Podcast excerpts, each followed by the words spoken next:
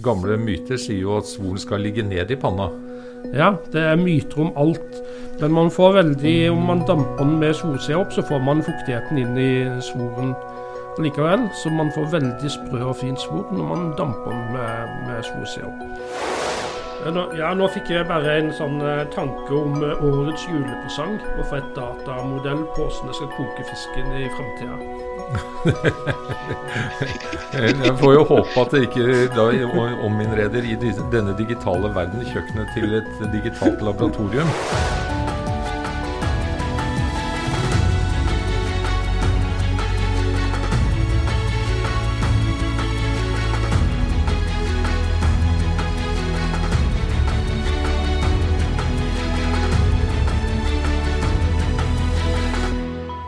Hei, kjære lytter. Velkommen til Nofimas podkast 'Matnyttig forskning'.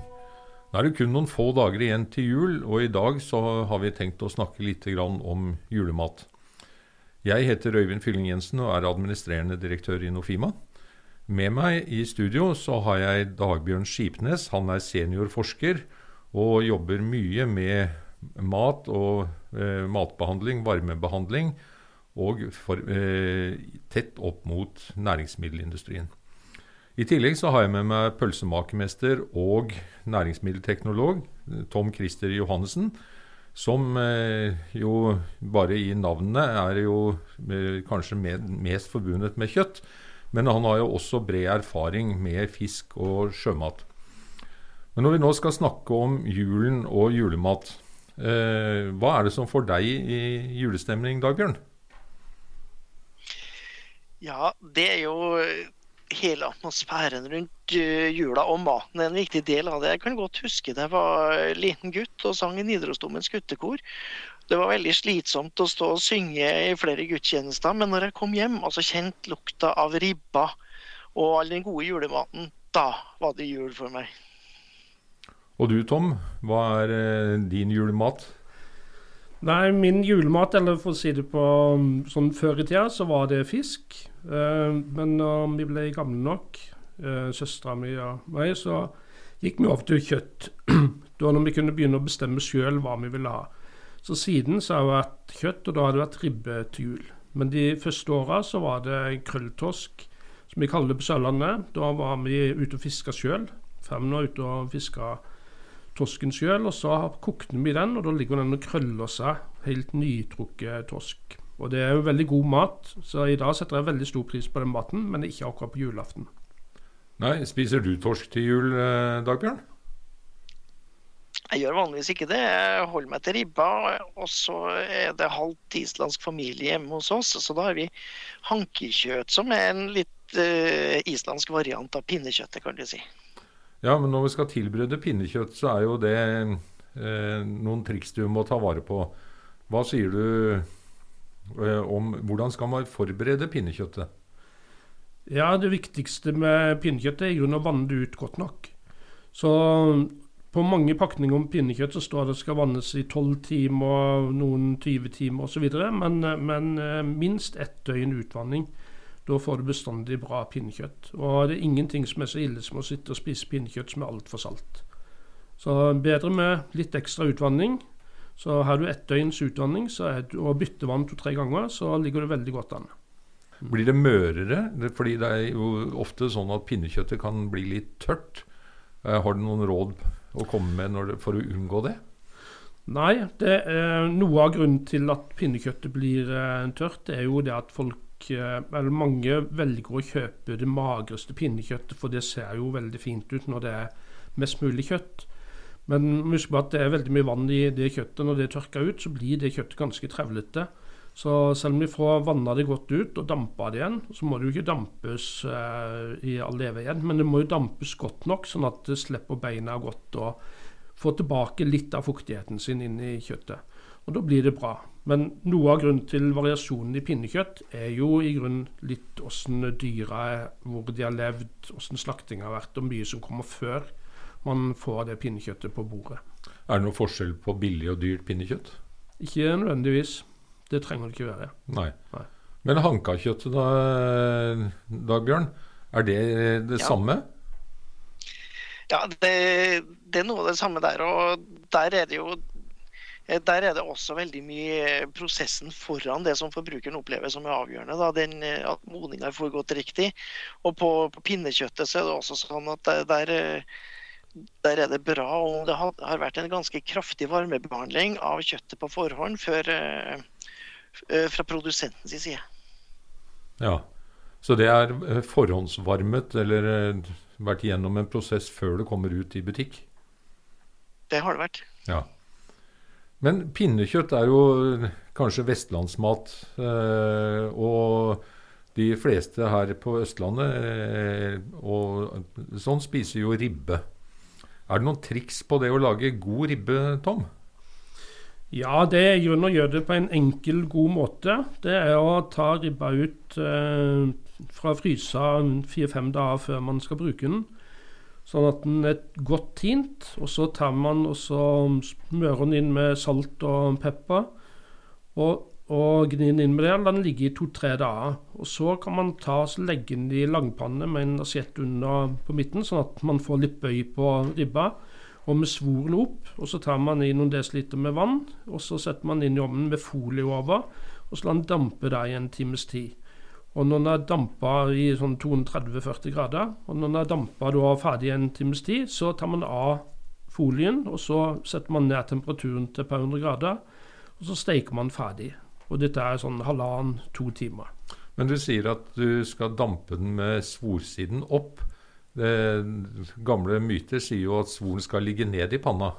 Ja, det er myter om alt. Men man får veldig, om man damper den med svorsida opp, så får man fuktigheten inn i svoren likevel. Så man får veldig sprø og fin svor når man damper den med, med svorsida opp. Og bare sånn tips til uh, Skal vi ikke drive reklame, men Matprat har jo en veldig fin app med veldig mye bra oppskrifter. De er testa ut, og veldig enkle oppskrifter å bruke. Og, og ribbeoppskriften her det er tilnærmet lik det som er Matprat her. Ja. Men eh, varmebehandling Han sier 230 grader. Hva er det som skjer med kjøttet når du tar og varmer det, Dagbjørn? Ja, det her er ganske spennende. og Det er jo litt fysikk og termodynamikk i det. Men samtidig så er det ting som alle sammen vet veldig godt. Alle sammen vet jo hvordan ei ribbe er bygd opp. Det eh, kjøtt nederst, så kommer det et lag med spekk, og så har du svoren helt øverst. Og, og kjøttet det består eh, av eh, veldig mye vann, over 70% vann i en saftig ribbe. Eh, og protein, og så har du fettlaget, da, eller spekket, som, eh, som, i hovedsak er fett.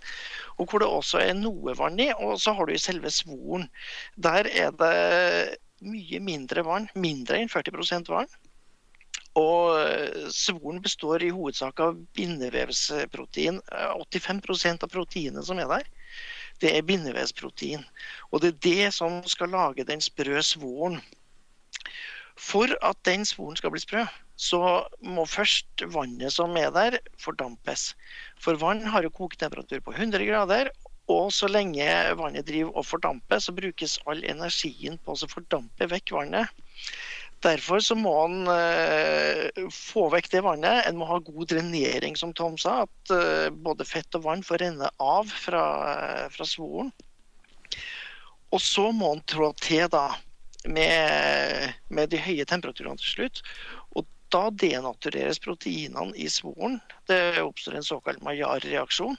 Og så er det da fuktigheten i spekklaget som ligger under som, som, begynner å koke og boble og lage de her fine boblene som du har oppe på svoren. Og Da er det også nødvendig at uh, fettlaget er tjukt nok til at det isolerer mot kjøttet. For som sagt, der er det, der er det fortsatt etter steikinga uh, oppimot 70% vann. Sånn at Der kommer aldri temperaturen høyere enn 100 grader. og Hvis den hele tida ligger og kjøler da den ytterste svoren, så blir den aldri sprø. Nei, men eh, det er jo ingen eh, som ikke har opplevd at svoren ikke blir eh, sprø. Har du noen triks til å løse det, eh, den utfordringen? Ja, da, da er du bare ute i garasjen eller i skiboden og henter varmelamper, gassblåser. Og noen har jo det hjemme på kjøkkenet nå til å få karamellisert og få farge på crème bruléen. Så Sånne hjelpemidler er jo veldig fint å bruke da når man skal få den sprø svoren, hvis ikke man klarer å få nok sprø svor under selve stekeprosessen. Eller så kan man sette opp på grill hvis man har grillfunksjon, og opp temperaturen litt på slutten. Siste fem-ti minuttene, bare passe på. Den er sprø, da, så bør man jo dekke til med folie, sånn at ikke man får svidd svor. Så det er lov å jukse litt? Man må tilpasse for å få bestandig tilpasse for å få det beste resultatet. Men i utgangspunktet så skal man uh, slippe å, å, å, gjøre de ekstra tinga. Men det er klart har man en ribbe som er veldig mager, og sånn, så er det vanskelig å få sprø svor enn man har en uh, ribbe med god fettfordeling og kjøttfordeling i både fett og i kjøttet. Så det du anbefaler, er å kjøpe en ribbe som er litt feitere enn den du ellers ville ha kjøpt på en vanlig hverdag? Ja, jeg anbefaler iallfall ikke de magreste ribbene. Magert kjøtt egner seg til veldig lite gode eh, spiseopplevelser. Er det fordi smaken sitter i fettet? Ja, annet. Smaken sitter i fettet, så det er bedre å skjære av fettet etterpå hvis ikke man vil ha det.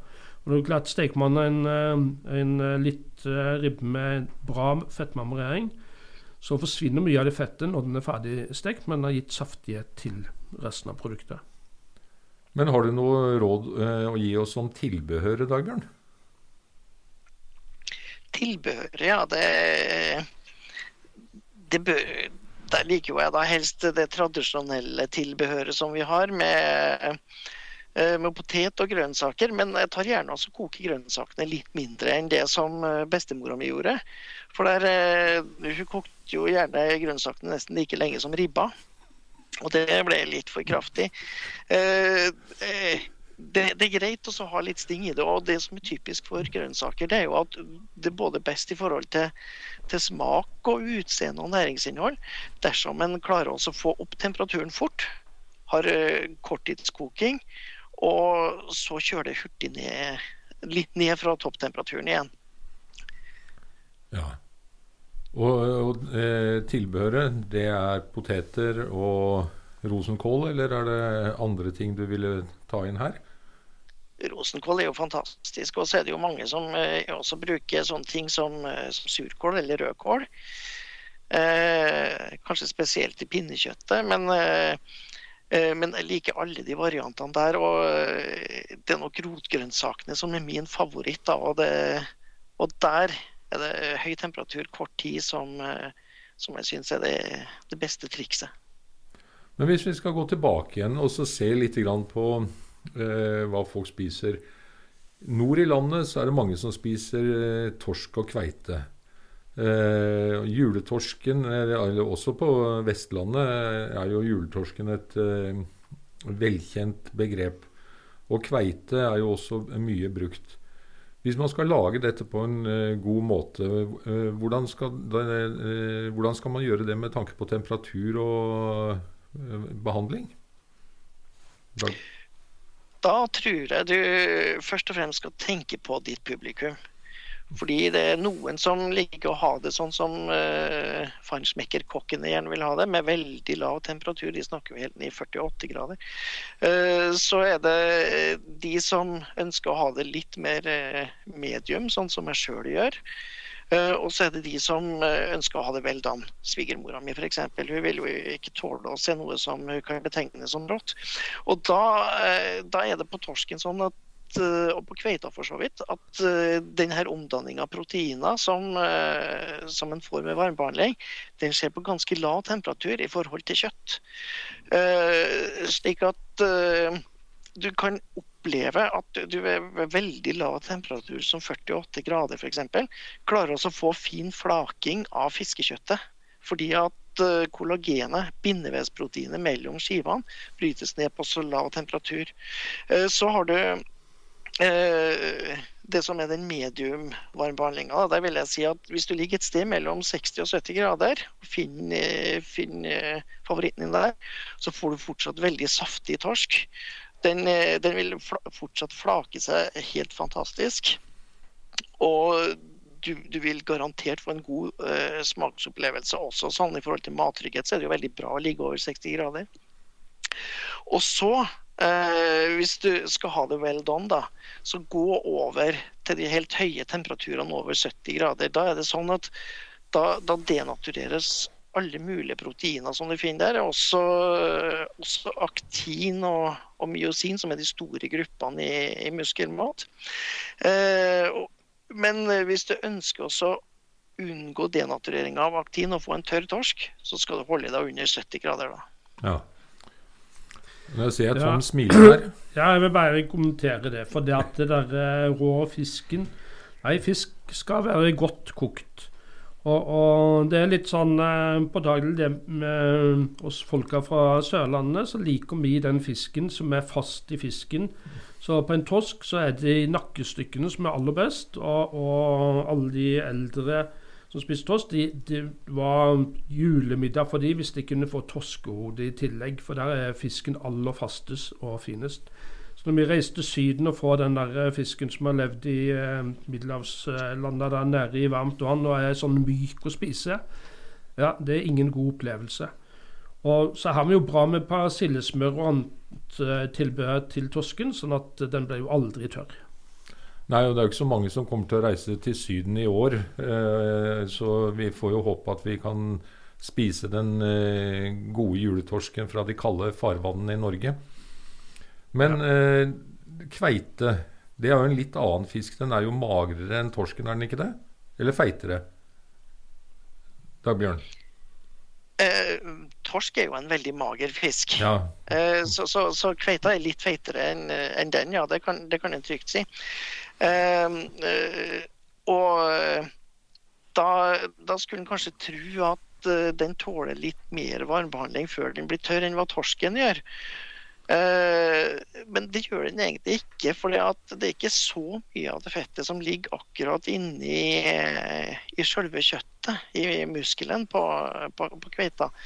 Så, så, jeg syns jo det er best opplevelse dersom du klarer å begrense varmebehandlinga der litt. Og det har vi jo gjort mye rart på. Vi har til og med lagt datamodeller som, eh, som beskriver hvordan eh, hvordan væske går ut av fisken, og hvordan varmen trenger inn i den. Sånn at man kan, få, kan faktisk tilberede helt optimalisert eh, fisk. Nå, ja, nå, fikk jeg bare en sånn uh, tanke om uh, årets julepresang. Og for et datamodell på hvordan jeg skal koke fisken i framtida.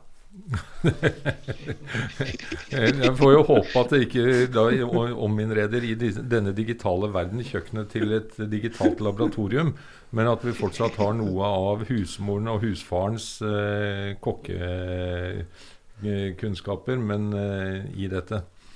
Så er det jo sånn eh, En tredje fiskesort som mange spiser, eller eh, det er jo også torsk, men det er jo eh, lutefisk. Har du noe råd å gi rundt det å lage og tilberede lutefisken? Da er det viktig å, å, Det beste måten å tilberede lutefisk på, det er jo inni ovnen på ikke altfor høy temperatur og mye, mye grovt salt på. For den trenger saltet for å ikke miste all fuktigheten.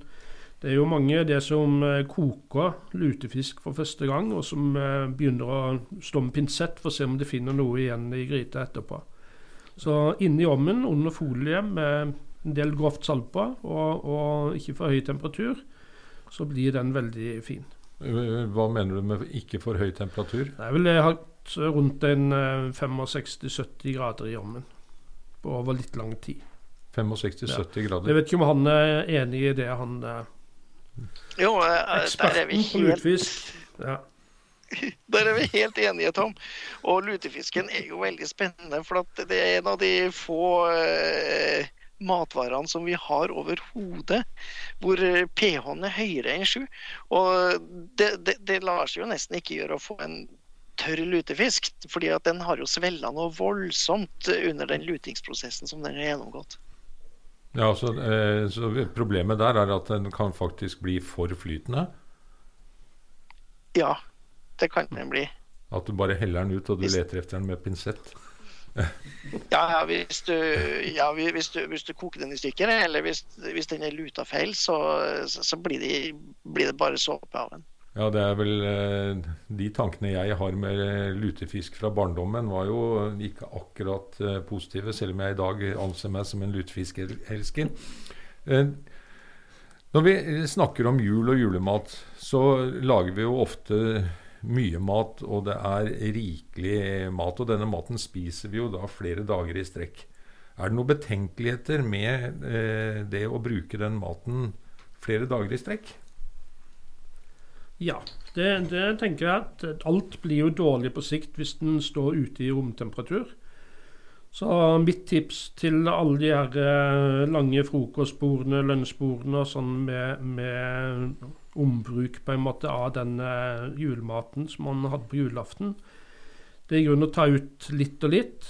Heller fylle fata med andre ting og sånn, sånn at det ser ut som at fata er overfylt bestandig. Men ikke ta for mye ut av selve produktet, sånn at man har det stående kaldt. Og så kan man ta ut etter hvert som det forsvinner litt av fatene. Men står det ute i romtemperatur i mange timer, så vil jo all mat bli sur til slutt. Ja, eh, jeg tenker også det samme at i utgangspunktet så er jo eh, julematen stort sett mat som er ganske kraftig varmebehandla. Eh, det, det, har vært oppe i koketemperatur over lengre tid, og i hvert fall vært over 60 grader det meste.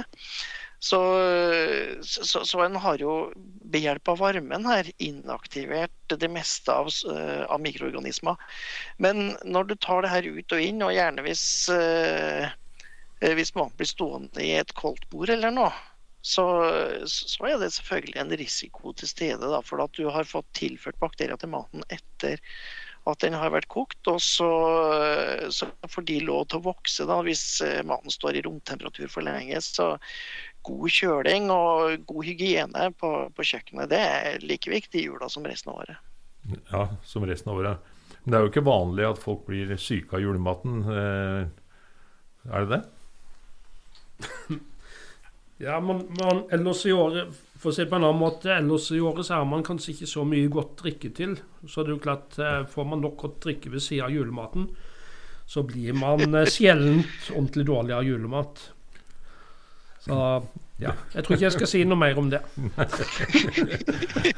Nei, for da tror man det er andre ting som gjør at man blir dårlig. Eh, ja. Ja, ja. Vi går jo og vasker nevene med sprit nå, så det, klart det må jo hjelpe litt hvis vi får litt sprit innvortes i forhold til en del bakterier. Ja.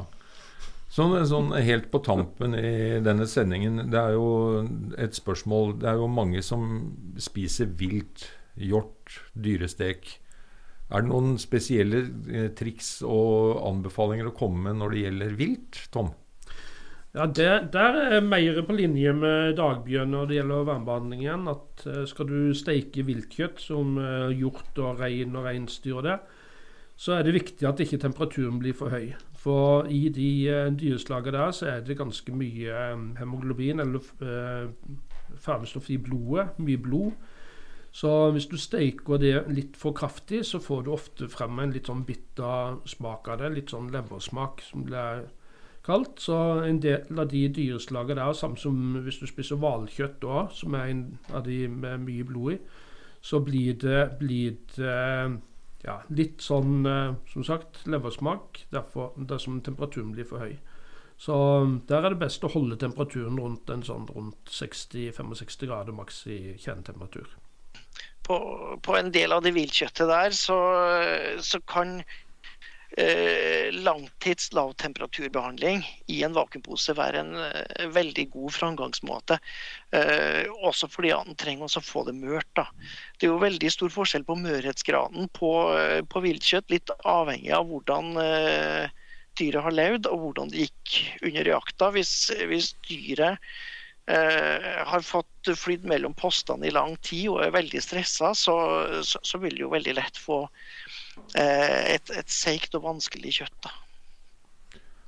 Men anbefalingen som jeg hører dere komme med når det gjelder det å lage julemat, det er bruk tid, pass på temperaturen, kjøp gode råvarer og eh, pass på kjøkkenhygiene. Er det, er det, kan vi oppsummere denne lille podkastsendingen på den måten? Ja, det syns jeg er en god oppsummering. Og det er jo eh, det som ofte skorter på. Man får jo aldri bedre mat enn det utgangspunktet man står med og skal putte inn i ovnen. Ja, det støttes 100 eh, Ta de helt vanlige reglene, og så skal du bare tenke litt fysikk samtidig som du steker julematen, så kommer det til å gå helt fint. Ja, det blir jo litt sånn at uh, her skal du være både dataingeniør og fysiker for å kunne lage god julemat.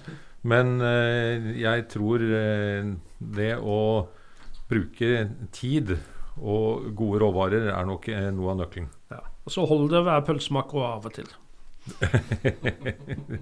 ja.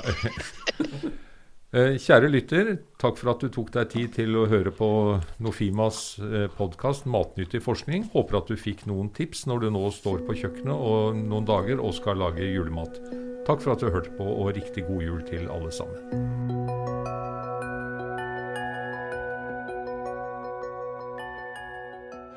Du har hørt en podkast produsert av Pressure.